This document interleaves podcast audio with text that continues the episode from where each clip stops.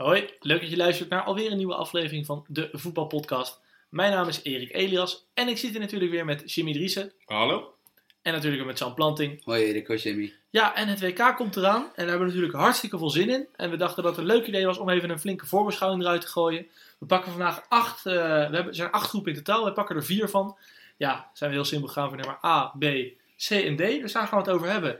We beginnen gewoon maar eens met groep A, Rusland, Saoedi-Arabië, Egypte en Uruguay. Ik denk wel ja, een van de slechtste groepen die we hebben gezien in de recente geschiedenis van het WK. Nou, ik denk niet alleen de recente geschiedenis. Ik denk gewoon, eh, gewoon de geschiedenis wel. Ja, we gaan niet elke week zeggen dat, dat Poetin een dictator is en dat het allemaal ongekocht is, maar Rusland zit hierin en het is de allerslechtste groep.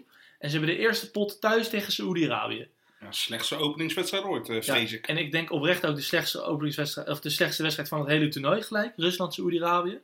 Daar gaan we zo over bespreken. Maar het is wel zonde, zo'n groep. Ja, an- an- ja, of het zonde is wel, ja. Maar goed, misschien is een Saudi-Arabië dadelijk wel gewoon verrassend. Ik weet nog niet heel veel over die ploeg. Gaan we daar Nee. ook een beetje bespreken. Maar Nou ja, ik laat me graag verrassen. we gaan er gewoon doorheen. Eh, Rusland beginnen we mee. Ja, de, de, de host, het gastland natuurlijk. Een dramatische oefencampagne de laatste tijd. Verliezen bijna alles. Ja. Eh, ze hebben voor het laatst een oefenpot gewonnen op 7 oktober 2017. Dus dat is wel even terug. Ja, ja, dat is inderdaad al een tijd geleden. Hey Jim, eh, we weten van jou dat je Russisch voetbal kijkt. Je volgt die competitie echt boven gemiddeld. Ja. Kan je ons wat vertellen over dit Rusland? Ja, Rusland zit echt eh, in een fase dat de, de helden van 2008, die eigenlijk allemaal te oud zijn, dat sommigen er nog bij zitten. En, eh, en dat er eigenlijk te weinig nieuwe aanwas is. En de nieuwe aanwas die er was, zeg maar, die is een beetje in de cohort van 24 tot 27 is, zijn of te vaak geblesseerd, spelen niet genoeg of zijn op dit moment geblesseerd. Zo bijvoorbeeld uh, Kokorin is eh, lang uitgeschakeld met een eh, kruisbandblessure.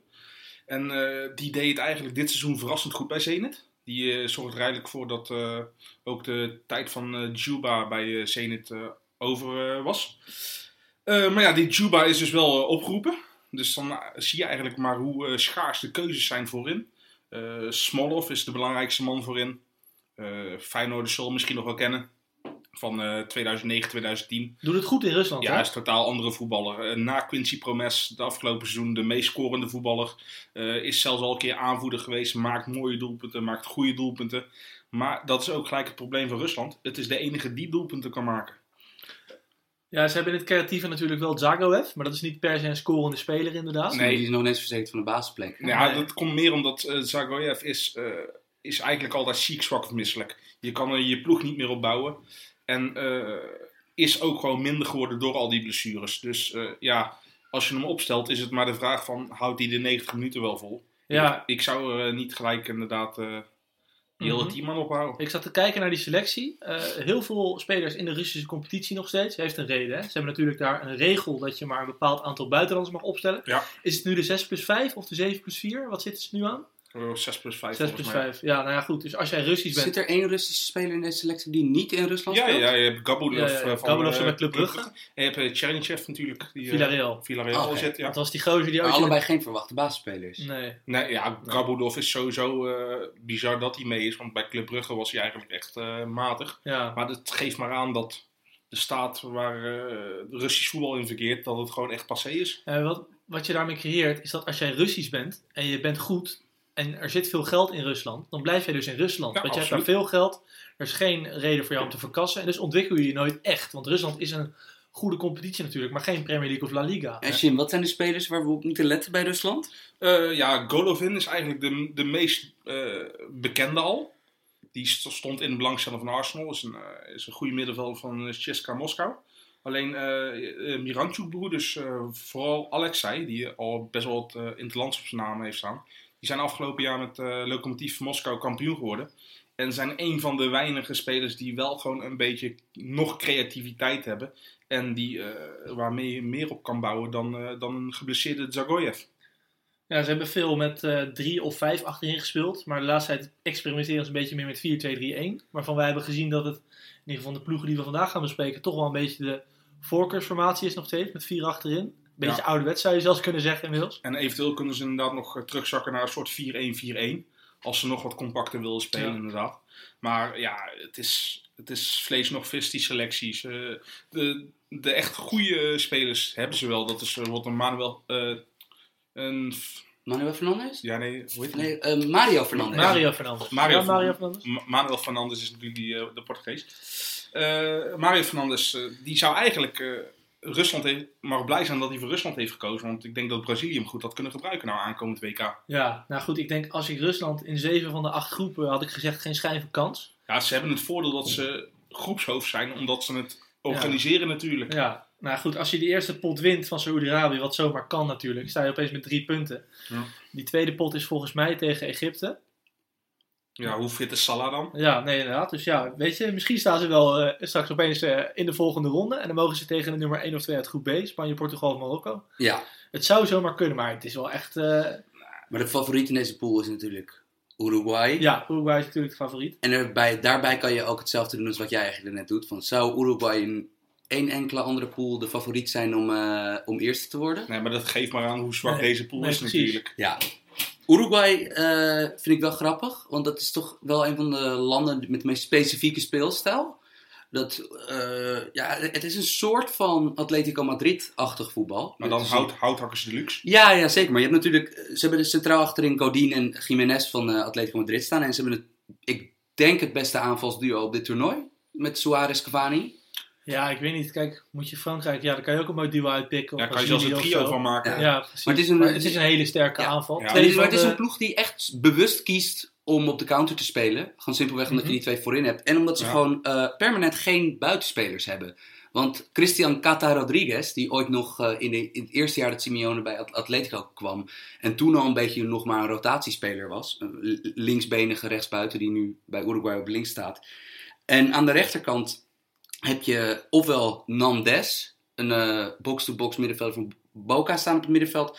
Ofwel Carlos Sanchez, die eh, volgens mij vij- 50 jaar oud is. Maar dat zijn toch uiteindelijk...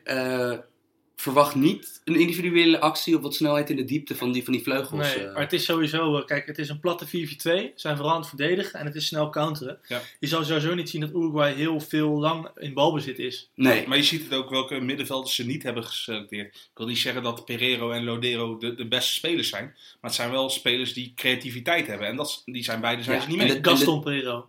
Ja, Ja, van en, PSV. en Gaston Ramirez, die altijd bij, Uruguay altijd beter voetbalde dan eh, bij clubs. de Podolski van Uruguay. Ja, die, die verwacht ik ook niet dat hij gaat spelen. Net zoals eh Dares de, ik heb hem hier staan.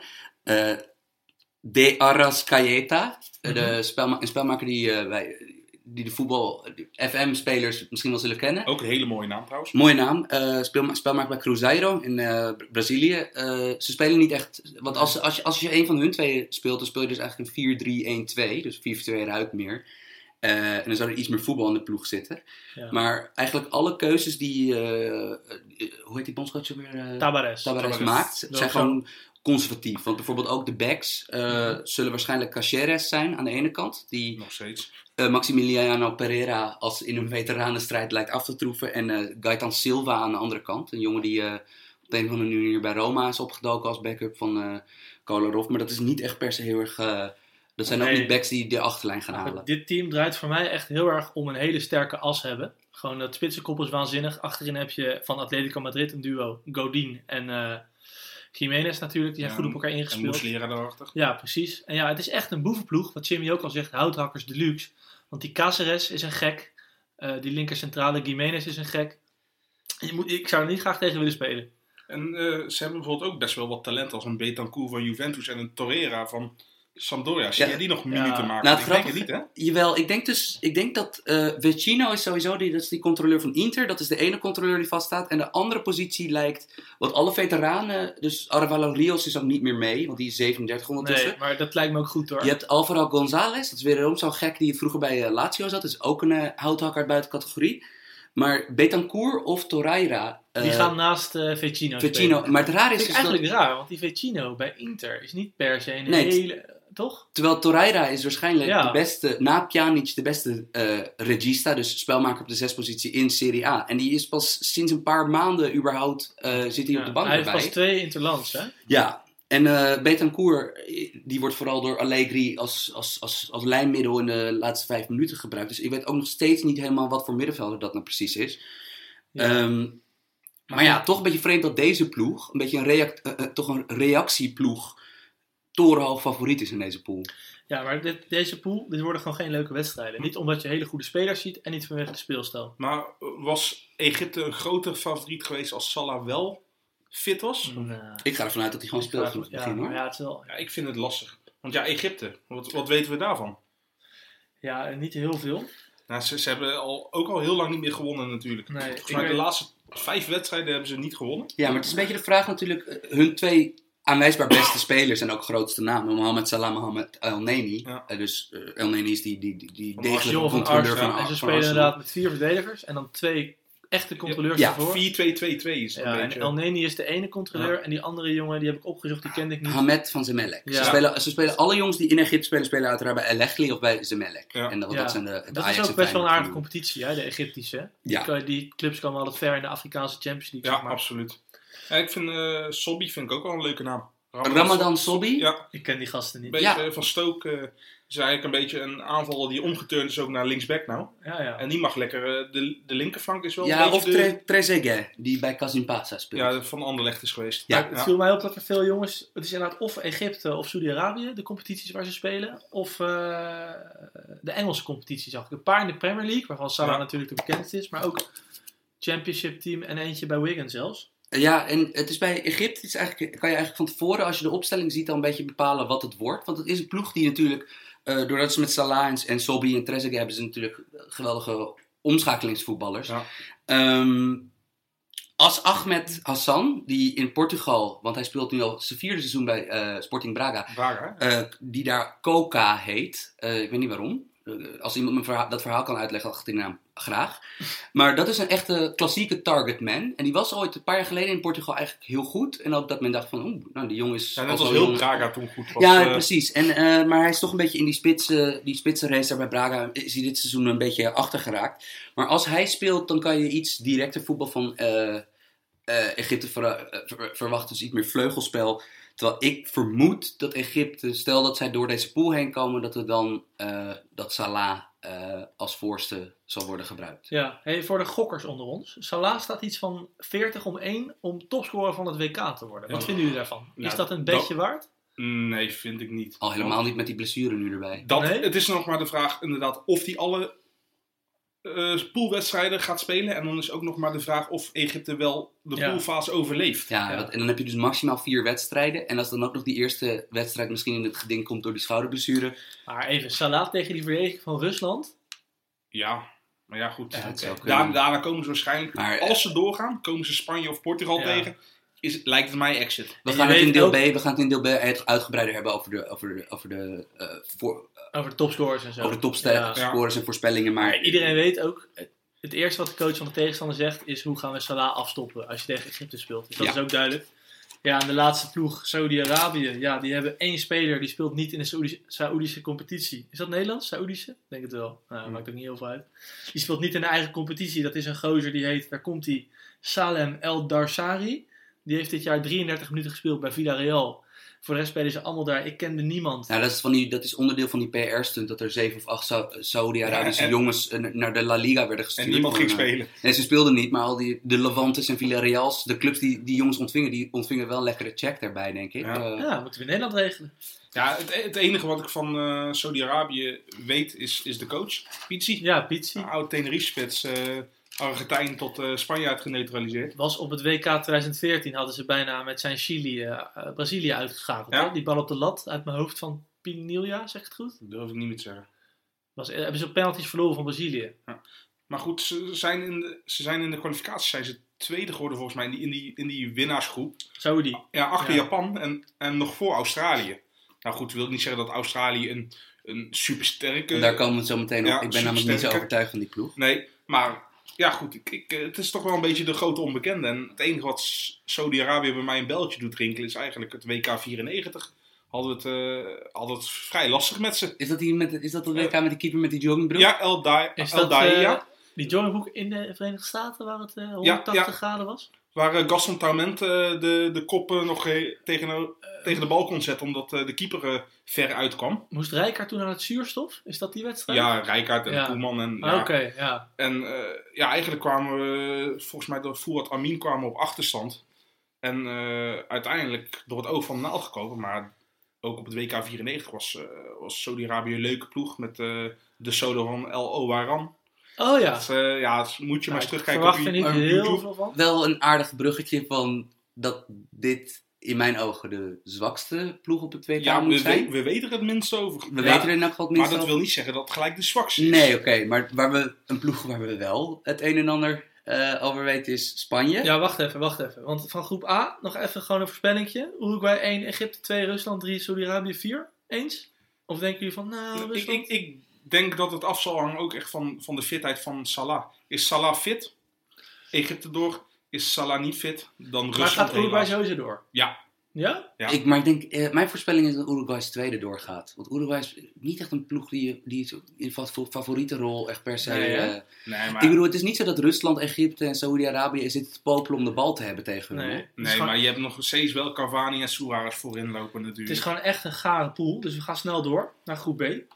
Namelijk, eh, ja, wil- jij wilde graag over Spanje beginnen, Sam. Ga je gang. Ja, wat ik. Ik ben ondertussen een beetje iets wat ik. Ik heb eigenlijk al het hele jaar denk ik al van ja, dit Spanje gaat gewoon het WK winnen. Want ik bedoel, dit, snap je? Ze hebben zo'n ingespeelde speelstijl en ze hebben zo de spelers. Want eh, Spanje is 4-1-4-1 eh, in wezen, in Ja, dat systeem. Ik zou het liefst hebben dat ze gewoon 3-7-0 zouden spelen. Precies. Gewoon Maar zeven als- hebben ze Als we ervan uitgaan dat die, de eerste één in dat systeem, de nummer 6 tussen verdediging en aanval, dat dat Busquets is. Heb je voor die vier andere spelmakersplekken, heb je David Silva, Thiago Alcantara, Koke, Iniesta en Isco. Isco, ja. Dat zijn de vijf reële opties. En dan heb je nog Asensio erachter. Asensio, Saúl en Vasquez als optie 6 tot en met 8. Dat is wel ziek, man. Maar, maar je zegt wel goed, je begint met Busquets, maar dan, dan heb je ook gelijk het probleem. Zonder Busquets, ondanks dat Koken en Saul bijvoorbeeld het redelijk kunnen invoeren, Busquets is toch wel zo'n belangrijke speler voor Spanje. Ik weet niet. Ik denk dat ze zoveel kwaliteit hebben dat het niet uitmaakt als je Koken op 6 zet. En het dan een beetje om is dat Thiago dan weer in de bal komt of zo. Nou, ik, ik, ik denk dat je Busquets hierin echt onderschat. Oké, nee, goed. Wat denk jij, eh, Sam? Is dat zo? Ik denk dat deze ploeg. eh, dat deze ploeg. Ik denk dat er geen ploeg is te verzinnen waar eigenlijk. eh, ja, ik bedoel, De raar is- kwaliteit zo van Ja, afdruipt, zeg en, maar. maar de spitspositie is een probleem. Terwijl het is eigenlijk heel, heel vreemd om dat te zeggen. Want je hebt met Costa natuurlijk gewoon een echte, een echte vechterspits. Die een beetje, snap je, wat tanden aan het elftal kan toevoegen. Je hebt een Jago Aspas in wezen een, Een valse spits. een valse spits. Dus iemand die in de, in de grote ronde op het middenveld mee kan doen. En je hebt met Rodrigo heb je een speler die zeg maar de verdediging op kan rekken. Met zijn snelheid in de diepte. Ja, eh, wat mij ook opviel, het is een hele ervaren ploeg. Ze hebben twee veldspelers van 22 meegenomen. Dat is Asensio en dat Becky van eh, Real Sociedad. Odriozola. Ja, dankjewel. En de rest is allemaal tussen de 26 en de 32. Dus echt, echt wat wij vaak de piekleeftijd noemen. Zij zitten qua selectie helemaal goed in. Ja. En, en ze hebben centraal achterin natuurlijk Ramos en Piqué. Hè? Dat Ja. zou je zeggen van nou, die spelen allebei al 10 jaar bij de beste clubs van Europa centraal. Maar Sam, jij hebt mij een keer uitgelegd dat dat niet helemaal per se een perfect duo is. Ja, dat Ramos Piqué, het blijft natuurlijk wel altijd zo dat, dat met dat tiki-taka voetbal van, van Spanje, dat die backs zullen heel hoog gaan staan. Ook omdat eh, er gewoon spelmakers aan, aan, aan de buitenkant van het middenveld spelen. En dat je dus uiteindelijk wel heel vaak eh, wat ruimte in je rug hebt. En nou ja, nu is Ramos in mijn ogen nog altijd de beste centrale verdediger ter wereld. En vind ik Piqué in zijn eigen recht ook nog steeds een heel goede speler. Maar waar Ramos een beetje het geluk heeft bij, eh, bij Real Madrid, dat hij Varaan, die onnoemelijk snel is, ehm, in zijn rug heeft wanneer hij weer wild uitstapt. En of wanneer hij weer Mhm. een wilde actie maakt. Piqué had het natuurlijk altijd met Mascherano, die stiekem ook heel snel was. Precies. En Piqué is natuurlijk Piqué is niet snel per se. En Nee. eh, Busquets ook niet. Dus Dus met een counter... statement. Zeg maar die driehoek daar achterin, als er wat ruimte komt, stel de press lukt voorin niet, Ja. zijn ze best wel de Sjaak achterin. Aan de andere kant, ik denk dat er geen idealer trio is om... Als je op balbezit speelt... Nee, precies. En je hebt Piqué, Ramos en Busquets die het allemaal in goede lijnen leiden. Voordat überhaupt de Thiago's en Iniesta's ermee gaan bemoeien. Eh, Nee, duidelijk inderdaad. ik heb het idee dat, dat 2014, eh, het WK 2014, dat dat een beetje de... Dat mensen hun blik op Spanje... eh, terwijl hier mijn kat een heel aandoenlijk sprongetje maakt met een geluidseffect erbij. Ehm, ik heb het idee dat WK 2014 een beetje de, de, de mening vertroebelt van mensen. Dat, omdat ze daar natuurlijk in die pool van Nederland en Chili zo onnoemelijk hard op hun, op hun, op hun mijl gingen. Ja, vergeet niet dat Casillas toen heel erg slecht speelde. En Ja. ze hebben nou natuurlijk de Gea. Ja, ik heb die pot Spanje-Chili ook nooit gezien eigenlijk. Werden ze toen afgedroogd? Volgens mij Nou, dat was wel toen ergens- terecht. Dat was wel Volgens mij, dat was na Nederland-Australië volgens mij. Stond ik ergens straalbezopen in een kroeg. Had jij een bakkie op. Ja, Maar ik denk dat dat een beetje de mensen eh beïnvloedt. Eh, mijn, mijn droom zou eigenlijk toch wel zijn, dat loopt de game, maar dat gaat hij niet doen met, als hij drie spitsen oproept. Is toch dat hij, gewoon die vijf, dat hij er gewoon nog een spelmaker bij gooit zonder spits speelt. En dat je gewoon, ja. dat je gewoon 85% van de tijd de bal hebt en de tegenstander helemaal scheel Ja, speelt. maar de speler die het voor ze echt heeft gedaan de laatste tijd is Isco. Hè? Die runt vaak de game als Spanje speelt. Thiago ook. En Thiago ook inderdaad. Dus die gaan eh, spelen waarschijnlijk. Dan denk je dat Aspilicueta nog een beetje een kans van spelen heeft? Nou ja, Carvajal, gaat hij überhaupt mee? Eh, ik weet niet wat de status van die blessure is die hij in de finale heeft Weet ik opgelopen. ook niet. Want je hebt Odriozola, maar eh, Odriozola is evenals Alba gewoon een ongetuurde aanvaller. Maar het verschil is, Alba speelt nu wel bijna tien jaar als linksback. Terwijl Odriozola ehm pas anderhalf seizoen als rechtsback speelt bij eh Sociedad. Dus in dat opzicht zou ik Aspilicueta, die... Want dat is een beetje... Ja, tegenwoordig is meer een centraal verdediger. Ja, en, maar, en ook van Aspilicueta is echt zo'n voetballer van... Die bij elke andere landelijke Ja. ploeg zou hij waarschijnlijk de aanvoerder Ja. zijn. En een record voor, zijn, international. voor zijn kwaliteit heeft hij veel te weinig in het land. Maar ja, goed. Ja, ja. Ja. Het zijn niet de mensen die die eh, moet dat kan je ook van Gabi zeggen. Ja, Van Atleti. ja, hey, Spanje wint het WK? Nu zeggen. nee. nee. Ik, eh, ik zei eerst van wel, ik ben eh, van mening veranderd. Oké, prima. Portugal. Ehm, ja, ook in deze groep natuurlijk. EK-winnaar. Maar die formule, die zie ik niet helemaal stand houden eigenlijk. Ik vond dat ze toen op het EK zijn ze met alle geluk de groep uitgekomen. Dat is ook weer twee jaar geleden. Ze Ze, hebben- ze verliezen weinig, dat is, dat is ja, het probleem. maar het is echt zo'n kloterige toernooiploeg waar je heel moeilijk van wint. Dat is het. En, maar ze hebben centraal achterin hebben ze echt hele oude spelers.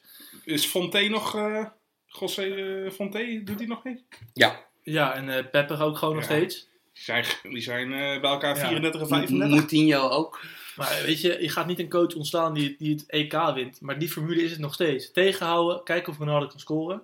Of Ja. een andere speler natuurlijk. Een speler als Bernardo Silva past helemaal niet eigenlijk in zo'n Nee, het is het, is het eh, ik bedoel, het vraagstuk is gewoon, want de Fernando Santos zit er nog steeds. Uiteraard, ik bedoel, als je het EK wint eh, met een ploeg die absoluut niet tot favoriet behoorde.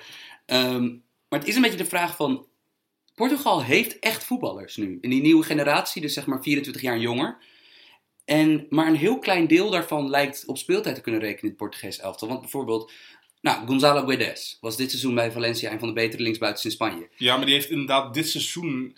Heeft hij het echt laten zien. Bijvoorbeeld een André Silva vind ik juist de andere kant op gegaan. Nee, precies. Maar dat is, dan, dat is dan inderdaad de uitzondering. Want die André Silva die lijkt echt verzekerd van de basisplaats. Terwijl hij bij Milan eruit wordt gespeeld door jeugdspeler Coutrone. Ja, Maar bijvoorbeeld eh Guedes, die wordt dus op links. eh, in- wat Portugal speelt meestal een soort van... eh, 4-3-1-2-achtig. een- nee, 4-1-3-2. Dus 4-4-2 Ja. met een 6 die eigenlijk niet mee mag doen met aanvallen. Net zoals Benfica en Porto. Dat is eh William. Eh, dat, is, dat is al William In Carvalho. Nederland glorieus mislukt bij Roda. Nee, dat Nee, is Danilo Pereira. Dat is de andere. Van Port- Die Oh, hebben, ze- sorry. die hebben ze ook mee, maar die zit waarschijnlijk op de bank. William is die met die glorieuze politiesnor. Ja, die is van eh, Sporting eh, Portugal. Oké, prima. Ja, vind ik een goede zes inderdaad. Sowieso, en dat, nou ja, aan de rechterflank kan je, met, kan je de sneltrein Gelson Martins van Sporting eh, gebruiken. Of, Ja, die zit echt op de brommer. of, of Bernardo Silva, een van de getalenteerdste technici van de, van de wereld. Eh, maar zal, ja, ik zie daar toch weer gewoon een, midden, een extra centrale middenvelder worden opgesteld. Of eh, onze grote vriend Quaresma, waarvan jij zijn mooie retro shirt aan hebt. Ehm, Het is je eerste WK pas, hè? Van Quaresma. eerste WK. Dat wist ik helemaal Ja. niet. Ik ben niet overdreven fan van Quaresma, maar ik vond het wel een mooi shirt. Dat, eh, ik, ik verwacht. eh, ehm, ja, het is moeilijk. Het is, moeilijk, het is moeilijk om tegen een ploeg met Ronaldo. Spanje, eh, hè? Portugal eerste pot tegen Spanje. Dus ja, Daar, daar zullen ze voor een gelijk spelletje gaan. ja. En dan ben je eigenlijk wel lekker. dan ben je praktisch door. ik weet Nou, het niet ik hoor. weet want niet, man. Marokko is gewoon een goede ploeg en Iran, Nee, is. Iran, Iran is geen Gaan we, gaan we naar Marokko? Laten we naar Marokko gaan. Toch wel de vloeg, denk ik, waar heel veel Nederlands voor zullen zijn. Door een El Amadi, door een Ziyech. Ja, ik in ieder geval wel. Door al die gasten, ja, ik ook sowieso. Ik, nog, dus, ik probeerde een shirt te bestellen van Marokko, maar dat kan niet. Ik zat op die Adidas site en ze hebben hem gewoon niet. Ze hebben nu een soort... Nee, ze hebben gewoon een teamwear shirtje. Ja. Je moet je eigenlijk gewoon op de markt even een eh, badge kopen. Ja, zelf maar erop het strijken. is echt eh, zonde, man. Als we het over Marokko hebben, hebben we het natuurlijk over Nederlanders. Maar een Nederlander die bijna nooit genoemd wordt, is eh, Mark Wotte. Dat is daar zeg maar de technisch directeur. Die heeft het daar op een gegeven moment bedacht van... Nou jongens, weet je, we hebben zoveel talenten lopen in Europa. We gooien de boeg om, we gaan die jongens al benaderen. En wisten jullie dat in de kwalificatie hiervoor... Hebben ze natuurlijk nul tegengoals gehad. Maar Ja, met Ivoorkust erbij in de groep bijvoorbeeld. ja, 62% van de spelers die voor Marokko hebben gespeeld tijdens de kwalificatie... waren in Europa geboren. En niet in Marokko. Ja. Dat is het hoogste van Ja. alles ter wereld. Dus ze hebben daar gewoon, ja, de Ziyech's van deze wereld Ja. hebben ze gewoon opgesteld. Benatia bijvoorbeeld. Benatia had ook Frankrijk kunnen spelen, Ja. toch? Die zit in die eh, Netflix documentaire. En voor Algerije ook trouwens, Biton. Benatia. Sorry? Benatia, zijn moeder is Algerijns. Dus die had voor Ja. drie landen kunnen kiezen. Ja, en het is een beetje een 4-3, 4-2-3-1-achtig. Maar ze hebben laatst, die pot heb ik gezien, hebben ze geoefend tegen Oekraïne. Dat was wel heel leuk. Speelden ze eigenlijk 3-5-2 met Ziyech als een soort spits om een andere spits heen. Die ken ik eerst niet, was een beetje een bonkige gozer. Ja, Boutayib. Boutayib heet die kerel inderdaad. Maar in de tweede helft was wel leuk. Ging uh, Noorden Amrabat als een echte Dirk Kuyt. Die ging eh, van rechtsback ging hij naar spits opeens. Ja, maar ja, Amrabat kan alles tegenwoordig. Ja, serieus. Die kan rechtsback, die kan linksback. Dus dat is allemaal prima.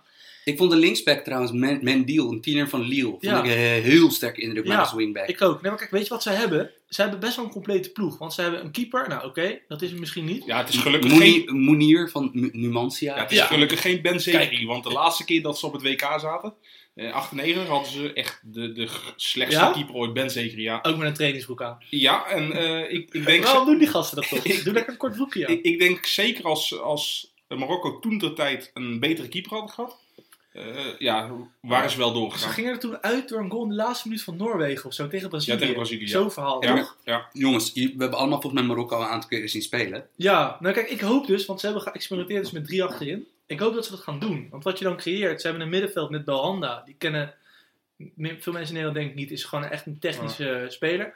Boussoufa Ja, daarnaast. Het enige was met Belhanda toen met die eh, oefenwedstrijd tegen Nederland, was hij Ja, gigantisch dat aan het schoppen. Maar, Maar ja, dat is sowieso Belhanda is dat altijd het Ja. probleem geweest. ja, Want is gewoon gek. Belhanda was zeg maar samen met Giroud, waren zij het hart- kloppende Bij hart van die, Mon- van die Montpellier. Die kampioen werd. van ja. Montpellier die kampioen werd. En toen, toen ik hem in die periode zag voetballen, dacht ik van ja, dit, ja luister, dit wordt een van de drie beste spelmakers toen ter is hij naar wereld. Kiev gegaan eh, Ja. uiteindelijk. Is Ja. van Cash in Kiev, Cash nu bij Gala. Ja. Eh, is toch lekker? Bij Schalke niet echt te verf gekomen. Nee, helemaal niet. Maar goed, ze hebben dus dat middenveld. Belhanda, Boussoufa, Alemadi. Dat is gewoon leuk in balbezit, maar niet echt in balans. Weet je wel? Ja, ja, Boussoufa is wel wat terughoudender gaan spelen. en Ja, dat doet, maar met dat- dat lichaam, weet je wel. Dat zal nooit echt een, een controleur worden. Aan de andere kant wel een verfijnde voetballer. Ja, heel erg. ik, Heel vind, erg. ik vind het leuk dat, Ja. eh, dat een trainer, eh, de fitste trainer denk ik wel van het WK, dat, dat hij ervoor kiest. Marokko heeft zonder meer de knapste bondscoach van het WK. Nee, ik vind hem een evil Disney prins. Het is een beetje... Prins Erik vind ik het. Ja, precies. Jij lijkt trouwens ook wel een beetje op Prins Erik nu ik het zo zie. Ja, maar ik heet ook Erik. Maar eh, ja, ik hoop stiekem een beetje op eh Amrabat, Noordin dus, in de spits, met Ziyech er kort omheen. Op de zijkant hebben ze dan Power met Dirar en Mandiel. Ja. Dat middenveld wat Of. Hakimi van Real. Ja, inderdaad. En achterin hebben ze gewoon Benatia, Da Costa en Saiz. En, en Harit, jongens. Ja, die, ik, die gaat dus waarschijnlijk niet spelen, maar dat vind ik raar. Ja, dat wel. Dat, Dat is wel een goed Erik hoor. volgens mij de oprichters van de Amin Harit fanclub. Ja, Waren jullie dat al bij Nans of pas bij, eh, bij Schalke? Ja, Ik had wel een beetje al bij Nantes. Ah, maar ik ja, had, niet verwacht, geloof ik het wel, ja. ik, ik had niet verwacht dat hij Nee, bij Schalke zo goed zou zijn als hij dit seizoen Ja, was. Er was een EK onder 19. Dan speelde Frankrijk met een aanval met eh Augustin, eh, Mbappé en Harit. Ja. En die wonnen 5-1 van Nederland. En wat zeiden ze toen in Nederland? We moeten fysiek beter worden. Ja. Eh, ja maar goed, los daarvan. Eh, mooie ploeg, Marokko. Eerste pot cruciaal hè, tegen Iran. Ja. Ja. Je moet het daar laten zien. Als je die wint, is er zoveel mogelijk. Als je kan counteren tegen Portugal en Spanje. ja, deze ploeg is... Het is een beetje... Ze missen dus een spits en een keeper. Maar deze Ja. ploeg zit zoveel voetbal in. Ja. Ik bedoel, sorry voor het cliché, maar ik bedoel... eh, Je hebt met Ziyech, Belhanda, Boussoufa en dan... El Amadi is ook nog eens een beetje een technische zes. Je hebt echt gewoon de straatvoetbal eh, echt, in Ja. En stel je voor dat je Harit daar ook nog de een of andere manier de mix in kan Ja, ik krijgen. denk niet dat hij dat durft. Nee, dat zou dan ten koste van Belhanda moeten gaan. En dat, dat doet dat, dat, dat doet hij niet. Ja, wat jij ook zegt, Sam. Kijk, Ziyech is natuurlijk een wereldvoetballer. Maar een andere is Jahan Baks. Die kennen we ook uit de Eredivisie. En die speelt bij Iran. En ik zat een beetje naar die selectie te kijken. Dat is wel echt de enige die daar echt, echt die wij kennen en die echt uitblinkt. Hè? Nou ja, ik, ik, ken Azmoen ken ik dan ook nog. En Uit de Russische ja, competitie. misschien Ajax zie zullen hem ook nog kennen van Rostov. Scoorde die? Eh, tegen Ajax toen. Mhm.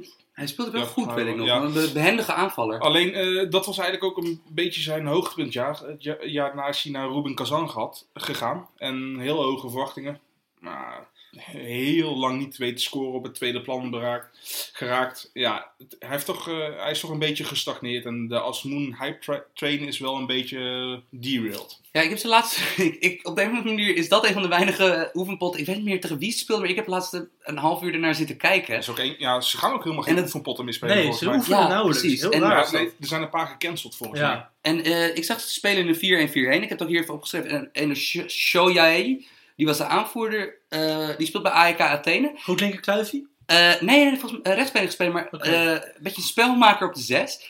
Maar ik zat naar het elftal te kijken en ik, ik dacht ook twee namen te herkennen. Want zeg maar, eh, op de flanken heb je aan de ene kant Taremi, een beetje grote gast. En Ali Reza op rechts. Ehm, maar ik, zat naar het middenveld te kijken en dacht van, ja, ik ken die namen ergens van. En toen ging ik kijken naar waar Ansarifar en Harisafi eh vandaan kwamen. En die, die, ik bleek die inderdaad gewoon in uitslag te hebben gezien bij Olympiakos Piraeus. Maar Griekenland dus. Maar het raar is dus dat die Ansarifar een spits is bij Olympiakos en die Haisavi een linksback. En die stonden dus op de 2-8 posities bij Oh, Iran. man. Ja, maar dat is met die nationale ploegen soms, hè? Ja, van ga je het systeem kiezen waar je spelers Ja. het best tot recht komen? Of pak je gewoon mijn beste spelers en ik zie wel waar ik ze Weet je nog, Leo Beenhakker heeft een keer van, eh, niet Andy Cole, maar die andere?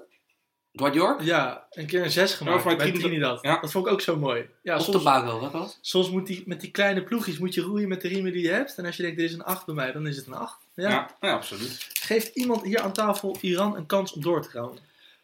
Nee, ik, ja, ik, ik, ik zou het dan misschien als enige als, eh, als toevalligheidsfactor van ze hebben even een goede, goede reeks en eh, ze, ze zijn niet oververmoeid en eh, ze hebben wat geluk mee. Maar ja, Portugal en Spanje denk ik echt wel te Ja, sterk. Portugal ook? Ja, ja, kom op. Ze hebben Ik, nog... ik, ik weet niet, op de ene, aan de ene Ik kant... vind Portugal, ja, ik weet niet. Ik zie Portugal ver komen in dit toernooi als, gewoon als eh, Ronaldo er weer gewoon het op zijn heup krijgt. Ja, maar maar, Ja. ik, kan, ik zie Portugal ook laatst in deze pool worden. Ja. hoor. ja, maar kom op jongens. Eh, Het is, het is de huidige Europese kampioen. Ze hebben, het, is, het is niet zo dat ze, dat ze nog steeds koekenbakkers hebben, wat dan ook. Ze hebben nog steeds gewoon wel prima spelers. Ja, niet meer zoals de gouden generatie met de Figo. eh, Ja, maar zijn het juist niet op al die eindtoernooien altijd een beetje die ploegen waarvan je denkt van, ja, zijn ze net niet iets te oud? Want er zitten er natuurlijk echt altijd, er zitten altijd drie of vier natte winden tussen. Ja. Van, van, van, van Maar- ploegen maar- waarvan je denkt van, wat doen jullie hier? Heeft Van- Iran wel zo'n jonge ploeg dan? Wel nee. Oh nee, nee, maar ik, denk, ik, ik zit ook meer te denken aan, ik, ik zit mezelf gewoon een scenario aan te praten dat Marokko er doorheen Maar komt. weet je wat ik, is? ho- ik hoop het ook. Ik denk, maar Spanje gaat door, sowieso. Maar de tweede, ja, uitvechten. Ik hoop op Marokko. En het leuke is, als je deze groep doorkomt, mag je tegen de nummer 1 of 2 uit groep A, waarvan we net hebben gezegd dat dat een draak van de pool is. ja, de weg naar de kwartfinale ligt open Juist. natuurlijk. En ik weet niet zeker wie je dan tegenkomt.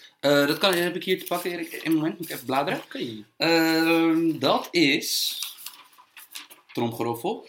Eh, dus als je bijvoorbeeld tweede wordt in deze pool, speel je tegen de winnaar van de pool met Uruguay en, eh, Ja, dat- en Rusland. laten we zeggen dat het Uruguay is. Eh, ja, dus speel je tegen Uruguay. En dan speel je daarna tegen de winnaar van Frankrijk eh, tegen Kroatië Laat- of IJsland. Oké, laat maar. Ja. nou ja, wie weet. Hè?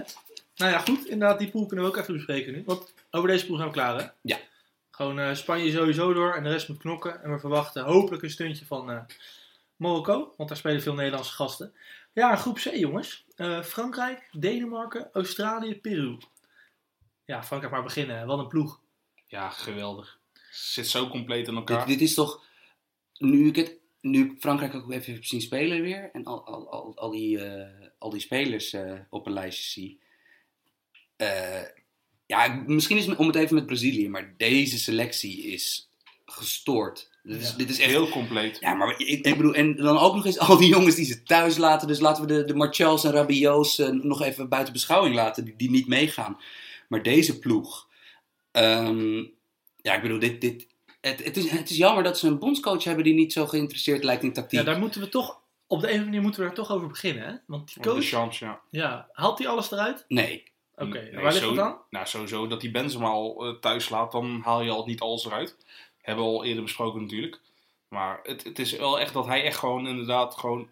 Het team draagt hem, heb ik wel echt het gevoel. Ja, en ook, het is nog altijd niet duidelijk van, het is echt per, wed, per, per wedstrijd kan, kan, kan de formatie wisselen bij Frankrijk. Want ze spelen, ik denk dat ze in een 4-3-3 met een 6 gaan Ja. spelen. Met Kanté op zich. Eh, je, ze kunnen ook een 4-4-2 ruit of 4-3-1-2 spelen met Fekir achter Griezmann en een andere spits. Of ze kunnen een 4-4-2 spelen met eh, twee controleurs en twee buitenspelers. Maar Wie wordt dan die controleur? Matuidi samen met Kanté, denk ik? nee, nee, nee. Ik denk, ik denk, nou, ik denk zelf dat de. eh, ik weet niet meer tegen, of ze nou tegen Italië of tegen Ierland. eh, eh, maar ik denk dus zelf dat de voorste twee linies, denk ik, dat zullen ingedeeld worden met Kanté op 6. En dan dat de twee achtposities, eh dat Pogba is er sowieso één. Ja, dat is in een 4-3-3. Ja, Dat is in een 4-3 en ik denk dat Tolisso dan de ander zal zijn. ja dat zoals je, tegen Italië. ja, dat, je, dat, dat, dat je met voet, voetbal en vermogen dat je daarvoor kiest. Maar je kan ook Matuidi of Nzonzi doen. Ja, kan, heeft wel echt goed gespeeld dat vorig jaar bij Sevilla. Maar als je, eh, Als je echt gedurfd wil, dan Ja. kan, kan je zelfs Fekir doen. eh, ja, gaat niet Maar ik denk Nee, zelf dat hij niet, hij- dat doet hij niet. Dat Ik zou denk- ik wel doen hoor. Ik denk dat die Fekir meer als een soort aanvaller gaat Ja. Ik zou dat durven met Kante, hoe gehyped die ook is. En dan gewoon twee van die achter, Pogba en Fekir. Ik zou dat zo durven. Maar Fekir is echt wel een soort van Ik weet halve het, spitsspeler. Maar het is landenvoetbal. Nee, oké. Maar En ik denk dus dat voorin, dat de voorhoede die ze dus laatst gebruikten... Ja, dat die is, moeten ze niks meer aan veranderen. wat, ja, maar je hebt veel opties. Want de, de voorhoede waarvan Ja. ik denk dat ze voor gaan Ik- is, Dem, is Dembele op rechts. Ja. Griezmann als valse spits. En eh, eh, Mbappé als linksbuiten Ja. die in de spits komt. Eh, maar ja, aan de andere kant... Je kan ook bijvoorbeeld, wanneer je CDB en Mandy als backs ge- gebruikt... heb je opeens met Giroud een heel ja. lekker aanspeelpunt.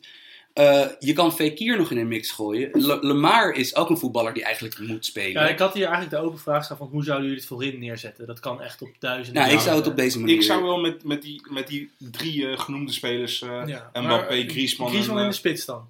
Ja, het is valse spits. Ja? Gewoon, gewoon hem zijn gang laten gaan. Is hij niet beter als hij van een andere spits af kan spelen?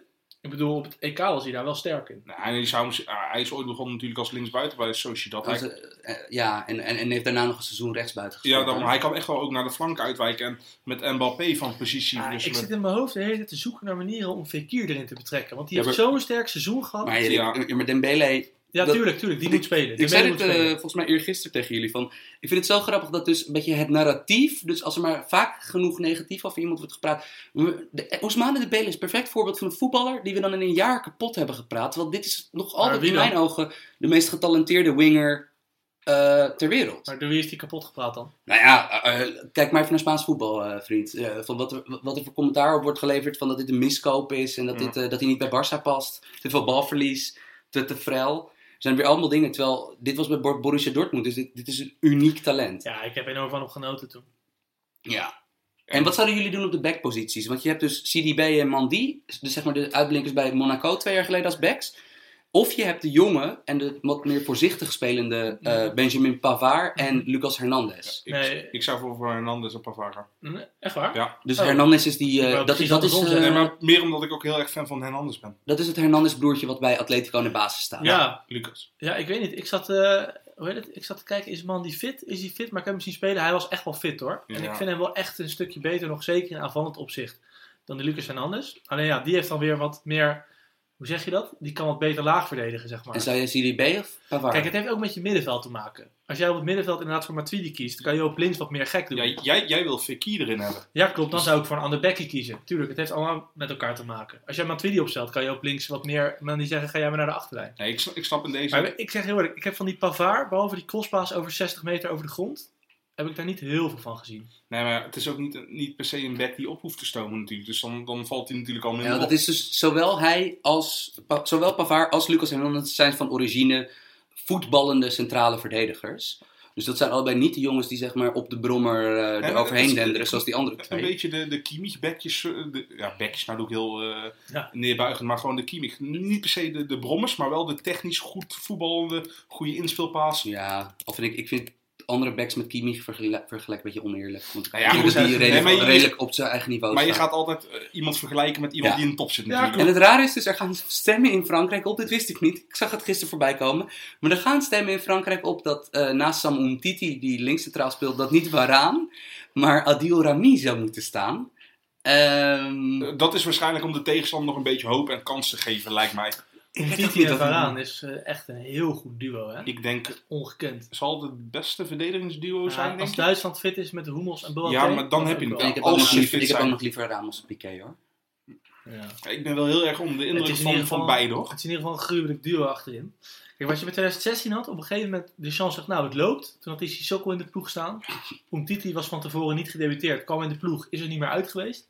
Dus op een gegeven moment, als het loopt, dan verandert hij dat niet meer. Ik hij dus denkt van, dus- oké, het staat, we winnen potten en het is goed zo. De Sissoko-move die je met deze selectie kan doen, want dit keer zit er niet zo'n matig voetballer als Sissoko tussen, maar de Sissoko-move zou zijn om eh Matuidi als linksbuiten op te stellen, wat hij wel eens in Ja. topwedstrijden bij Juve moet Ja. doen. Dat zou de, de, de Deschamps Sissoko-move zijn. Dat deed eh Emery ook wel eens bij PSG, hè?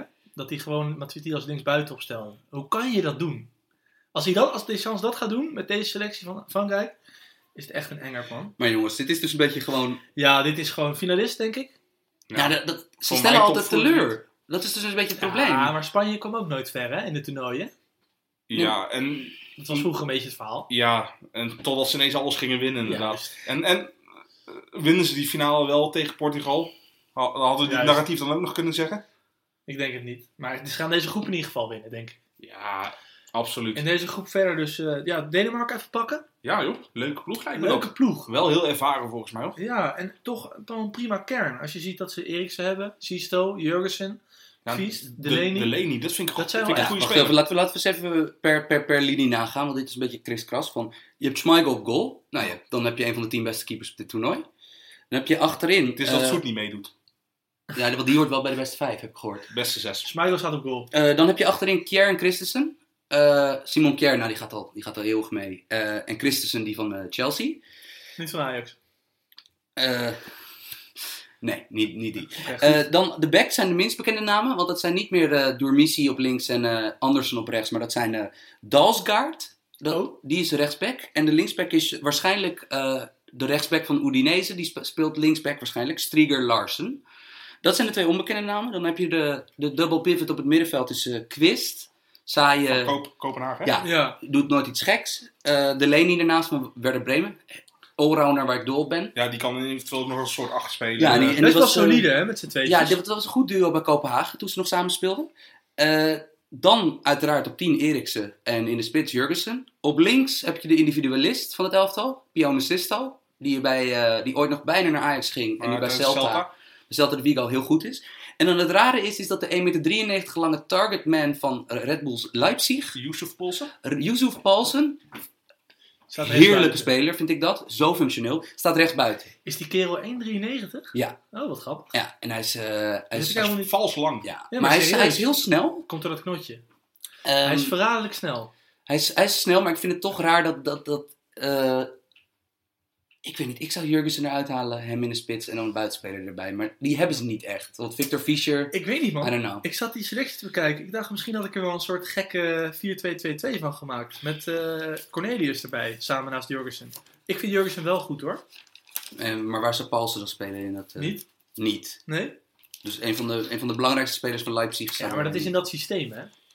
En als je dan wat meer met voorzetten gaat spelen, je hebt van die lange gasten erachter. Eriksen gaat altijd een balletje op, op het hoofd leggen. Ik zou sowieso het systeem kiezen hoe Eriksen het beste gaat Dat renderen. denk ik ook. Dat Ja, dit, en laat eh, ze een beetje links aan de binnenkant spelen. Maar goed, dat zijn allemaal tactische verhalen. Maar ik weet niet, man. Hier moet ik wel nog Je heel zit heel hard te eh, bladeren, hè? Ja, sorry. Ik moet hier even naar het schema, eh, naar de route in het toernooi kijken bij van Denemarken. Denemarken. Want ik, ik ga toch een beetje flauw eh, weer analytisch verantwoorde voorspellingen doen. Maar ik durf wel te zeggen dat Denemarken een van mijn verrassingsploegen zal zijn. Omdat, stel dat Denemarken bijvoorbeeld naar verwachting tweede wordt in deze pool. Dan zou je, dan kom je tegen de winnaar van pool D. Dat is Argentinië, Kroatië, IJsland, Nigeria. Nou ja, van alle topfavorieten vind ik Argentinië de wankelendste. Ehm, als ze die eh, winnen, komen ze te staan tegen waarschijnlijk eh, Portugal of de nummer 2 uit de pool met Egypte, Uruguay en Rusland. Dus Ja, ten- tenzij Spanje ineens weer teleurstelt in de groep natuurlijk. Hè? Precies. Maar dit is dus best wel. eh, het, het zou mij niks verbazen als de nummer 2 in deze pool. Of als bijvoorbeeld Frankrijk eh, twee keer gelijk speelt of zo. En dus dat, dat, dat Denemarken of Peru bovenaan eindigt.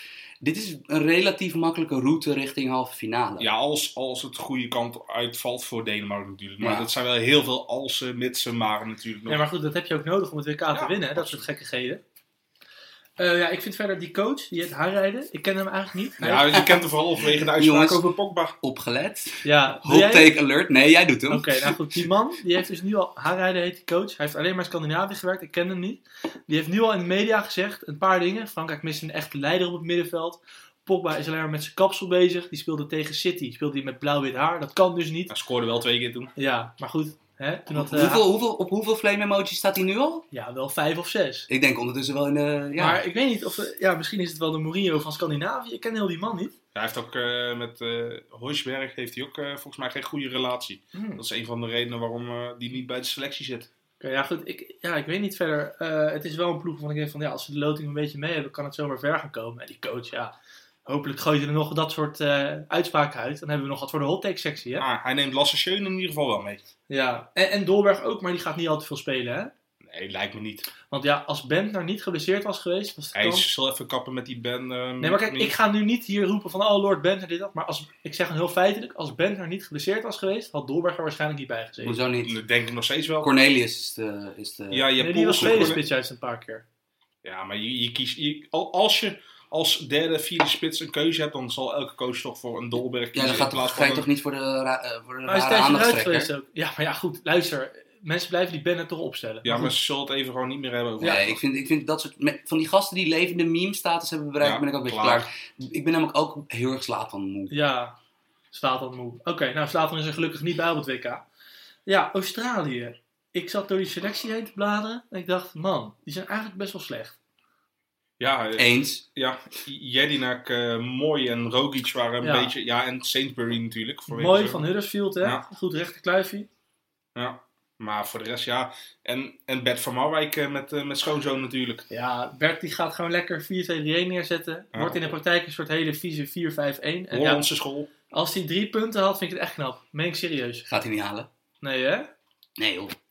Nou, hij kwam daar vanuit de situatie. Onder die oude trainer, Possessoglu, wilden ze wel echt voetballen van achteruit. Die Matthew Ryan, dat is een boomlange keeper. Die kan prima pasen trappen met zijn voeten. Deed Ja. hij echt prima. Maar onder Besje is dat een beetje uit al, eh, heb ik eh, gezien. Ja, het zou kunnen. Kijk, Matthew Ryan is goed genoeg dat hij eh, misschien een keer de. Want het is echt een heel goede keeper. Ja, keeper. Ja, Brighton. Maar, eh, Ja. ja, maar hij heeft Valencia natuurlijk weinig Ja, minuten gemaakt. Maar Ja. niet lang meer, want die gaat, die gaat wel hoger Die op. gaat wel een stapje maken. Ehm, maar ik, ja, en ik, ik- Lekkie kennen wij uit de Bundesliga. ja, want ik Ja, heb dus deze ploeg Kroeze. een paar keer, eh, ja, ik heb deze ploeg een paar keer zien voetballen. En ze dus heel erg, spelen heel erg over de flanken met Lek, Lekkie en Robbie Cruz. Wat een beetje langdienende, ja, een beetje, een beetje doorsnee buitenspelers zijn in, eh, in de Duitse competities. Ja, eh, ik- Rogic en Mooi, die kunnen wel wat. Ik denk dat de waarde van Australië erin ligt dat we een Nederlander op het WK hebben. Dan krijgen we Ja. toch weer Tim Cahill met zijn 57 jaar die gaat gewoon kwartiertjes invallen. En eh, hè, Ja, dat vind ik dan toch wel weer staan mooi. ze waarschijnlijk achter. En dan alle Ja. ballen op Timmy pompen. Een kopspecialist van 1,77 of zo. Ja, maar- Hij is niet lang. Ja, maar dat had Zamorano vroeger ook bij, eh, bij Chili en Oh, dat is Inter. een goeie, dat is een, Dat was is echt goeie. een- Ja? Zamorano. Zamorano. Samen Oh, met ja, die plus- met Salas. Dat Ja. 1 plus, 1 plus 8 Ja, eh, nee, maar daar. Uruguay mij nu een beetje aan denken. Zo'n Zuid-Amerikaans land met een heel goed spitsenkoppel. Ja, Salas, Samorano. Maar, maar dat was ook een kleine, kleine speler die, die eigenlijk qua timing en sprongkracht en, en kopkracht gewoon geweldig is. En dat is Keel ook natuurlijk. Maar goed, eh, het is ook een keer op, hè? Ja, nou goed, laten we hopen voor Bertje dat het lukt. Maar eh, ik denk het niet. Ja, Peru. Eh, vorige week door Sam gezegd van, joh, misschien gaan die het met lelijk voetbal verschoppen. Ja, toen ik, keek ik even twee dagen op Twitter. En toen zag ik een goal van achteruit met hak- hakjes. ja. Zes, zeven pasen stonden voor de goal en hij viel erin. En ik dacht, wow, Ja, Peru. maar die hebben natuurlijk allemaal naar de voetbalpodcast geluisterd. Ja. En die denken, we gaan Sam Die even... waren Ja, ik heb, Voor ik, heb, even. ik heb Peru in anderhalf jaar, eh, ik heb ze vier keer 90 minuten zien voetballen. Ik ben namelijk echt nog even langs gegaan toen ik dit voorbij van, Langs bij Peru? Echt? Nee, ja, nee, even opnieuw vliegen. Nee, ik was even gaan kijken van welke wedstrijden heb ik van gez- gezien. Nou ja, allemaal, ik zat helemaal terug te denken van ja, het was echt niet goed. Ehm, ik heb nu ook nog even wat beelden teruggekeken. Ze, ze, ze zetten hoge druk, Hm, leuk. dat wel. Zoveel ploegen heb je niet die dat gaan doen. Dat is wel leuk. Ik vind ze een heel leuke voetballer hebben, eh, die- waarvan, ik nooit, waarvan ik altijd dacht dat het Chileen was. Kennelijk heb ik gewoon een beetje schil gekeken. Eh, ja, Cueva van Sao Paulo, een Ja. spelmaker. Ik dacht altijd dat het een Chileen was, want die heb ik best wel vaak zien voetballen. Ja, maar dat is Cuevas, is de Chileen. Met een S erachter nog. Is dat die ene die mislukt is bij Vitesse? Ja. Oh, nou, nee, maar, eh, en ze hebben natuurlijk Carrillo. En het is dan bij Carrillo is, dat Zit het- ook op de brommer. is dat het de bingo inderdaad wanneer de commentator voor het eerst gaat melden dat hij op de brommer zit. Ja, maar, Beetje Virgil Missy John. maar ja, voor mij is dit echt de grote onbekende. Nou ja, vergeet niet dat ze natuurlijk ook nog eh, Jefferson van Van hebben. Speelt hij nog? Ja, die heeft echt een... Die, die is, zit nou anderhalf jaar of twee jaar bij Lokomotief. Eerste jaar was niet zo goed, maar... Geld scheppen ook, hè. Ja, maar heeft hij hiervoor al aan de woestijn gedaan? Nou goed, eh, heeft een verdien- verdienstelijke carrière bij, eh, prima? bij PSV en Schalke. Maar door eh, de, door de cocaïneschorsing van Spits Guerrero, want dat is eigenlijk ook een andere bekende voetballer. Maar hij heeft dus die hele kwalificatiereeks, alle minuten die hij maakte, Ja. was hij centrumspits. Ja, Net zoals oké. bij Lokomotief. maar, maar hij heeft het heel goed gedaan. En ja, goed, nu Guerrero, we hebben het er al over gehad. Nu die schorsing is, eh, is eh, teruggebracht Een natuurlijk. neusje voor de goal. Ja, op, de Robbie Fowler manier juichen. De, de krijtlijn eh, opsnuiven. Eh, maar de eerste pot, als we even vaststellen met z'n allen, Frankrijk is de, is de favoriet Oh, je was nog aan het praten. Ja, Sorry. uit. Gaat even door. Oh, boef. Ja. Eh, Maar ik ben inderdaad benieuwd eh, wat ze met Favon gaan doen. Nu Guerrero wel weer eh, speelt. Die heeft twee keer gescoord de laatste oefenwedstrijd. Eh, gaat Favon wel weer naar de flank. En ze hebben als, als wildcard hebben ze ook nog die Edison Flores. Die zou ooit al eh, op het punt staan om naar Feyenoord te gaan. 24-jarige behendige buitenspeler. Aalborg. Speelt bij Aalborg tegenwoordig. Maar die, eh, die scoorde redelijk op los. Volgens mij vijf, vijf keer gescoord tijdens de kwalificatiereeks. En dat is toch een beetje, een beetje de wildcard is het een beetje. Ja, sowieso, deze ploeg, eh, bijvoorbeeld de, basisopsta- de basiself die ik verwacht, dan kunnen we even kijken. Dat spelen er eh, vier in Mexico, in die Mexicaanse competitie. Ja, maar in Goeie Mexico, competitie, ja, Mexico Ja. zit het geld gewoon. Eentje in de, in de Eredivisie, Tapia. Eentje in de MLS, eh Jotun, de middenvelder. Dan Cueva in Bra- Brazilië, eh, de linksback, Trauco bij Flamengo en eh, eh, Guerrero bij Flamengo. En dan Carrillo in de Premier League. En Farfan bij Lokomotief. En dan heb je nog die Flores, eh, die Edison Flores. eh. Bij Aalborg. Ja, dat, dit, is, dit is helemaal niet zo'n kneuzenploeg hoor. Nee, helemaal niet zoals. Maar goed, de eerste pot is gelijk Peru-Denemarken. Als we even zeggen Australië is de slechtste, Frankrijk is de beste. Er zit gelijk al echt... Ja, een- kan je daar gelijk. eh het wordt echt belangrijk wie die pot gaat winnen. Absoluut. Dan verwacht ik toch wel een pot waarin Denemarken een beetje de bal heeft. Ja, ja en vergeet ook niet, eh, Per- Peru, we, we doen er al niet meer zo laagdunkend over, maar ze zijn ook gewoon voor Chili geëindigd eh, in de kwalificatiereeks. Ja, Ja, dat... eh, Op doelsaldo. ja, Paraguay achter zich houden. Ja. Ja, dat is... eh, ik ben benieuwd. Het is eigenlijk de ploeg waar ik van deze 16 die we vandaag bespreken het benieuwd naar ben. Ja. Ik denk dat ik ze echt verkeerd heb ingeschat. Ik heb ook altijd zoiets van, ja, Frankrijk-Spanje, ik wil het zien, man. Weet je wel? Ja, ik maar ben je- meer benieuwd Nee, maar je weet wel wat je kan verwachten. Precies. Ja, maar Da- toch, van gaan ze het laten zien en zo. Maar, maar waar zitten meer verrassingen tussen voor jou daar? Bij nee, Peru of bij. Spanje? Nee, bij de lagere natuurlijk. Peru is denk ik een ploeg waar we van die, eh van die naampies hebben die dan, eh, snap je, ook een mooie transfer gaan maken. Daar Ja. kunnen we echt nog gaan scouten. Ja, dan zitten wij met het klapblokje voor de tv. Eh, laptop? Ja. Mag ik naar, naar de volgende groepje? Ja, zeker. Wil je nog wat zeggen? Nee, nee, nee. Helemaal top. Nou, groep idee. Ja, Argentinië, jongens. Messi, ik zag hem vandaag poseren met een geit trouwens. Ja. Ja. Zou hij weten dat dat synoniem is voor GOAT, zijn eh, greatest of all time? Nee. zou Zou hij gewoon denken, hey, Laten Messi, we de fantasie in stand houden dat hij dat niet weet. Dat hij gewoon... Messi, ga even staan. Ja, is goed, joh. Ja, maar die krijgt zoveel rare verzoeken. Hij spreekt geen Engels, hè? Nee, maar het zal toch wel een tolk zijn die het heeft uitgelegd. Tuurlijk, tuurlijk. Ja, Argentinië. Eh Sampaoli, oude trainer van Chili, oude trainer van Sevilla. Kennen we allemaal om de hoge pres. Hoe werkt dat tot nu toe? Ja, hij switcht tussen heel veel systemen. Hij weet zelf nog niet zo hè? Heel veel systemen. Het lijkt dat Messi toch een beetje bepaalt wie er... eh, eh, Messi en Mascherano, dat zijn degenen die... eh, Ja, nee, maar dat Messi bepaalt toch een beetje wat, hoe er wordt gespeeld. En dan zie je toch wat verrassingen. Want eh, we komen zo meteen op die achterhoede. Dat, gaat, dat wordt een probleem. jij gaat naar Pavon toe nu. Eh, ik ga naar Pavon en Mesa toe. Want kennen we... eh Pavon is eh, een buitenspeler van Boca. Ja. En Mesa is een, eh, een aanvallende middenvelder slash buitenspeler bij Independiente. Ja, ik heb die toen zien spelen. Ik weet niet meer wanneer, maar dat, dat was wel oké hoor. In de Ja. kwalificatie stond hij opeens erin. En dat wilde wel. Want, want ze spelen dus... Argentinië speelt zo'n 4... eh, eh, 4-2-3-1. Ja. maar ja, gewoon- soms dan weer 3, 3, Ja, 3, 1. Precies, maar in elk geval Messi speelt op 10. En het is Ja. dus ben- ik ben benieuwd wie er aan zijn weerskant zullen man. staan. Di Maria zal aan één kant staan, want dat is natuurlijk zijn hartsvriend. En ik denk Pavon aan die andere. Pavon, als, Mesa of, of Lanzini. als, als Messi... Lanzini, ik heb ze gezien tegen Haiti. Ja, die heb ik eens zitten kijken om twee uur s'nachts. Stond Salvio rechtsback, wat normaal gesproken een aanvaller is. Ja. En Lanzini als rechtsbuiten op papier, maar was in de praktijk een soort tweede tien. Ja, oké, het is Haiti, maar het liep wel echt lekker, moet ik zeggen. Maar volgens mij heeft Messi ook echt expliciet in de pers gezegd van hoe, hoe geweldig Pavon is om mee Ja, te spelen. ja. Dus hij is wel even En hij was, een, ook al, hij, was, campagne... hij was ook al gecharmeerd door Mesa. Ja, Maar er zijn een paar spelers gewoon echt zeker van hun plek. En de rest wordt een soort tutti frutti. En Higu- Higuain, eh, ja, die gaat eruit denk ik. die of? gaat er... Ja, en Aguero... eh, Messi Die gaat naast Aguero zitten. Ja, wat... Maar wie gaat er dan... Of Aguero gaat spits doen, Ja, maar, sorry. het is dus altijd de vraag... Dit zijn natuurlijk geweldige clubspitsen. Ik denk trouwens wel dat Aguero op dit moment nog wel één treetje hoger staat dan... Aguero heeft toch een topseizoen gedraaid. Als je gewoon eh, alle verhaallijnen loslaat. Ook Ja. is nog steeds Maar Higuain opgetreden. leek een hele tijd de eerste keuze Ja. van Messi en slash Sampaoli te zijn. Eh, maar ja, hij blijft maar kansen missen in dat, in het Ja, Argentijnse het is team. wel echt bizar, man. Ehm, maar jongens, voordat we naar de verdediging gaan, heb ik een, eh, een, een- heb ik een uitdaging voor jullie gemaakt. Ehm, Oh god. dit zijn de aanvallende, aanvallende krachten die Sampaoli niet heeft opgeroepen. Want we hebben nog, ook nog eh Paulo Dybala. Die Bala niet genoemd. Nee, die, die gaat wel mee naar het WK, maar ik verwacht niet dat hij speelt. Ja, tenzij Messi op de rechterflank gaat, bijvoorbeeld. Precies. Ja, of dat ze ja. met, met drie centrale verdedigers en dan twee En dan spelmakers... zou je dan eh, zeggen, die Bala kort achter de spits en Ja. dan Di Maria Ja. op links. Ja, maar, dit jongens, zijn... eh, jongens, dit, die Di Maria, Messi en die Bala erachter. Hoe kan je dan niet ver gaan komen? Ja, Dit maar zijn dat is niet eens plan A, dat is plan B dus, hè? Ja, ongelooflijk. precies. En dit zijn de aanvallende krachten die niet meegaan. Ja, Komt-ie. Mauro Icardi. Ja, snap ik. Want dat is echt een balletje afwachten, puur zang, heb je niks aan. Oké. lijkt me ook een vervelende Maar- maar- gozer in de groep trouwens hoor. Papu Gomez. Ja, Ja, van Atalanta. Atalanta, die zou je nog aanvoerder. als, die zou je als valse negen en als linksbuiten kunnen gebruiken. Javier Pastore. Ja, speelt niet, Een hè? beetje over de top. Diego Perotti. Goeie voetballer. Ja, maar, gebre- eh, maar gewoon te veel Maar is dit concurrentie. zieker dan Frankrijk? Leandro Paredes. Ja, Ja, eh, heeft eh, toch een teleurstellend seizoen uiteindelijk bij Zenit gehad. die is gewoon verkracht door Mancini. Erik Lamela.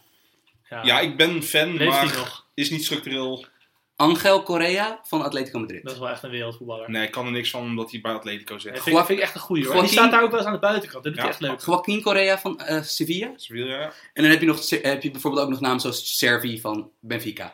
Mijn vraag aan jullie is: hoeveel teams op dit WK hebben een mindere aanval dan de groep jongens die ik net opnoem die niet mee mogen met Argentinië? Oké, en hoeveel, hoeveel teams die eh, verdedigers hebben thuisgelaten zijn beter dan die van Argentinië? Dat is wel waar. ook Dat is, dat zetten. is waar. Want onze vriend Nico Tagliafico, hartstikke aardige kerel lijkt het me. Maar die zou niet bij heel veel ploegen zomaar, zomaar een basisplaats hebben hoor. Nee, want de concurrent van Taljevico bij dit Argentinië is Maar de een linksbuiten van vraag, Sporting. Ik ga er niet voor, ik ga er niet helemaal voor zitten, maar ik vond het een leuke vraag. Zo. Ja, I- Icardi is natuurlijk wel een topspits. Ja. Maar ik snap echt dat hij niet is opgeroepen. Snap ik. Nee. Ook nog eens met het, eh, met het eh, verstandhouding tussen met Messi erbij natuurlijk. Met het Maxi, Maar daarom ben eh, ik zo Lopez. benieuwd naar Meza en Pavon. Dus dat als voetballers als Pastore, eh, Lamela en Papu Gomez minder dan je worden geacht. Ja, en, dan, eh, en Boca moet even zorgen dat ze het contract eh, van eh, Pavon verlengen. Want volgens mij heeft hij nou een clausule van 35 miljoen. Loopt hij er eentje in, in, eh, in het WK, is hij al gelijk verkocht voor die 35 miljoen. Zo gaat het. Ja, ik ben benieuwd. Laten we nu naar die andere zeven plekken gaan op het, eh, in het elftal. Want daar ben ik veel minder zeker van ik bij weet deze niet man. Ja, Mascherano heeft een plekje. En Otamendi ook lijkt het. Mm, Mascherano ben ik niet heel Als zes zeg maar. Ja, en- Ik denk dat dat Bilja La Celso. ja, Ja. Biglia sowieso wel. Bilja sowieso, misschien La Mascherano gaat wel spelen hoor. Die speelt alles. Ja, was middenvelder of was... Nee, als middenvelder. Hm. Ik weet niet eh, hoe die in de Chinese competitie acteert. Als middenvelder of centrale. Nou, niet, niet goed. Nee, oké, Maar- maar is middenvelder daar? Ja, middenvelder, ja. Hij, is, hij heeft zelfs laatst gescoord. Onder Sampaoli staat hij altijd op middenveld. Maar denk je echt, want ik vind het controleursduo duo Bilja Mascherano, dat vind ik... Vind ik niet des Ik ik zou niet meer zeggen van. dat hij Lo Celso erin. Dat ja, is juist, Banega. ja, Banega is nog even nog het voordeel dat hij natuurlijk alle posities op middenveld... Hij kan ook aanvallend en hij kan verdedigend Ja, spelen. het is wel een wereldvoetballer hoor. Ja. Ik weet niet. We gaan, ja, kijk, nu die pot tegen Haiti, ja, hoe representatief is dat? Nee, niet. Niet, heel erg. Lo Nee. Celso speelde, deed hij goed. Maar ja, is dat herhaalbaar? Ja, en wie, wie gaat er op goal staan, jongens? Willy. Willy kan weer? De HEMA-keeper. Of Armani misschien? Ik denk Willy. Armani is ook wel mooi, hè? Dus, eh, bedenk ik iemand met een mooie maat pakken. Ik denk dat dit. Ik denk dat. eh, mijn, mijn, mijn, mijn voorspelling is dat in deze pool twee teams zitten die binnen het toernooi nog van keeper gaan wisselen. Dat heeft Argentinië vaker gedaan. Goycochea en Pumpido. Ja. Voor jullie tijd. Ja, toen was ik er nog niet, denk ik. Zullen we naar het volgende land gaan? Nou, ik zal even zeggen. Van, ik, ik, bij Argentinië, het centrale duo is dus Otamendi is, is een van de twee. En Fazio, die reus van eh, Roma, of eh Rocco, die schopper van United, is de ander.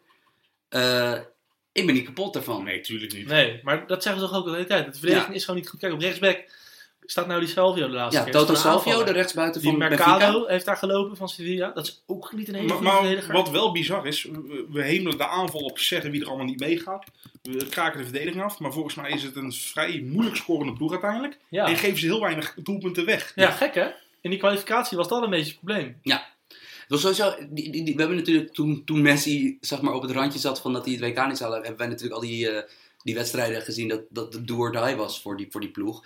S- ploeg. Echt een stressvolle ploeg is dit hoor. Wat het, ik bedoel, het- het- Het, het- het- Argentinië kan, kan alle kanten op voor mij. Ja, Ja. inderdaad. Echt, je weet niet wat je moet Ja, verwachten. en ze van. komen weer bij Nigeria in de pool, hè? bizar. Ja, drie WK's achter elkaar volgens mij. Ja, er zat wel volgens mij eentje tussen, maar in Zullen ieder we geval naar vaker het land gaan met het beste middenveld na Spanje?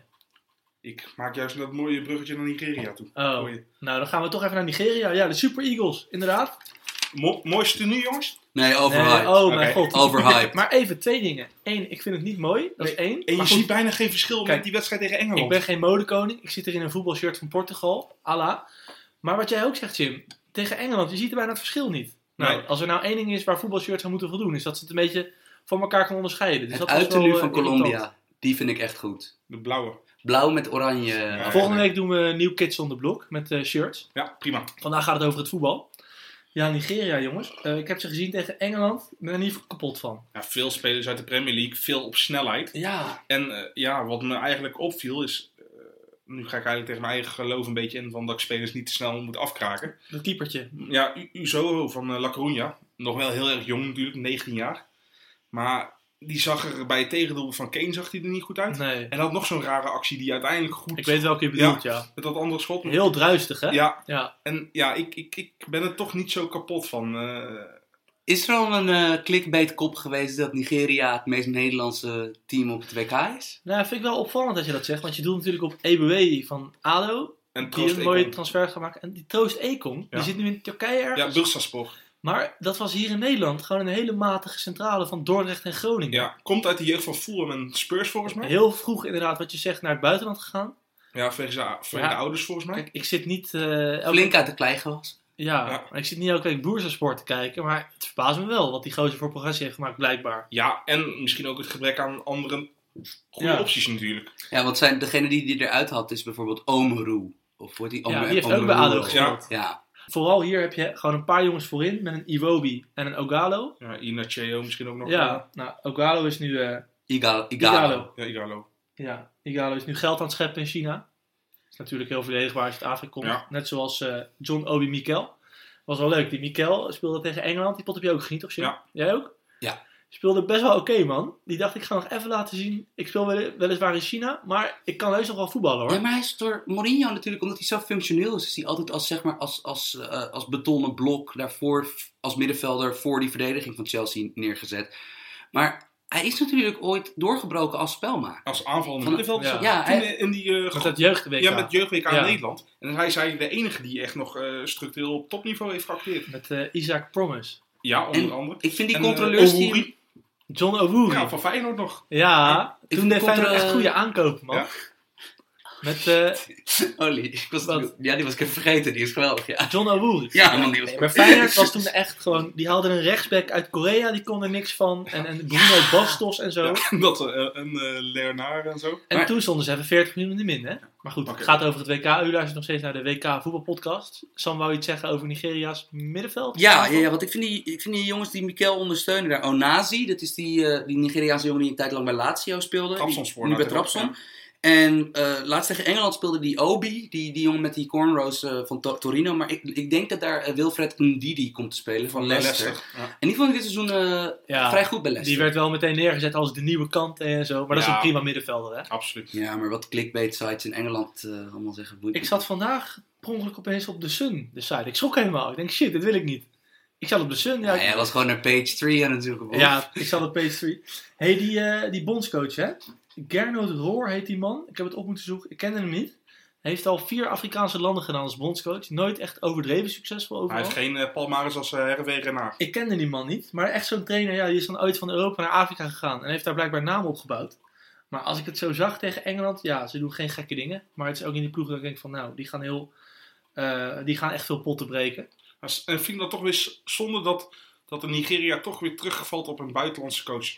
Ze hebben hiervoor natuurlijk Samson Siasia gehad. Speler van uh, uit vier, WK 94. Sunday Olise. Steven Cassie. Ja, vind ik, toch, vind ik toch zonde dat ze dan nou toch weer naar ja. het buitenland uh, grijpen. En dat je dan ziet van, nee, ik zie niet echt een hand van de coach. Uh. Weet, je, weet je nog dat op het vorige WK Elderson Etchileien, linksback, beetje technische ja. voetballer, die is nog steeds linksback daar. Dat is echt zo, die had echt een heerlijke WK-transfer toen naar Monaco verdiend. Want die speelt nu gewoon bij Cercle Brugge. We moeten eigenlijk, als het klaar Beetje is, moeten we even... Taiwo, uh, ja. Ja, ja, ja, ja. De grootste WK-transfer kunnen we ook nog bespreken tijdens het toernooi. Van wie komt daar een beetje voor een aanmerking? Wie gaat echt flink wie, wie, wie wint de Sissoko Award? Wat, wat ik wel jammer vind nog is uh, Daddy Moses Simon. Uh, ja. Simon, uh, dat hij toch geblesseerd is afgehaakt van Gent. Wil stond lang op de raden van Ajax toen, heeft een paar oefenwedstrijden meegedaan. Vond ik toch wel leuk uh, gevonden om uh, even aan het werk te zien. Ja. Ja, we hebben vier ploegen eigenlijk. En het is best wel een compliment als je kijkt naar Argentinië, Kroatië, Nigeria en IJsland. Dat ik denk van nou, IJsland is misschien niet eens de dood, gedoodverfde nummer 4 in deze pool, toch? Nee, die spelen heel functioneel voetbal. Ja, die Ja, je gewoon die 4-4-2 weer neer. En, en, en veel standaard situaties met eh trapkoning eh Gylfi Sigurdsson natuurlijk. Ja, het is gewoon Burn- Burnley in het landenvoetbal. Ja. Hebben ze die ingooi Sean nog? Dyson. hebben ze die ingooien nog? Die gozer die hem echt... Gunnarsson? Ja, die aanvoerder Ja, aanvoerder. Ja, Ja, ja. ja. Die smijt die bal tot Ja. 30 meter weg. Nou, wel meer denk ik zo. toch? Ja, Maar, maar wel gemist jongens. Golbein Sigurdsson. goalbijn. Ja. Die zit er niet in. ja. Nou, nou, dan worden ze laatst hoor. Speelt hij nog bij Nantes? Eh, bij de reserves in de... Serieus? Ja, hij heeft volgens mij eh, een paar minuten gemaakt in de reserves. En eh, bij Galatasaray niks gespeeld. Ja, bij dat was- Nan niks gespeeld. Het was de Ajax-spits, hè? Ja. hey, maar een andere die in de Nederlandse competitie speelt.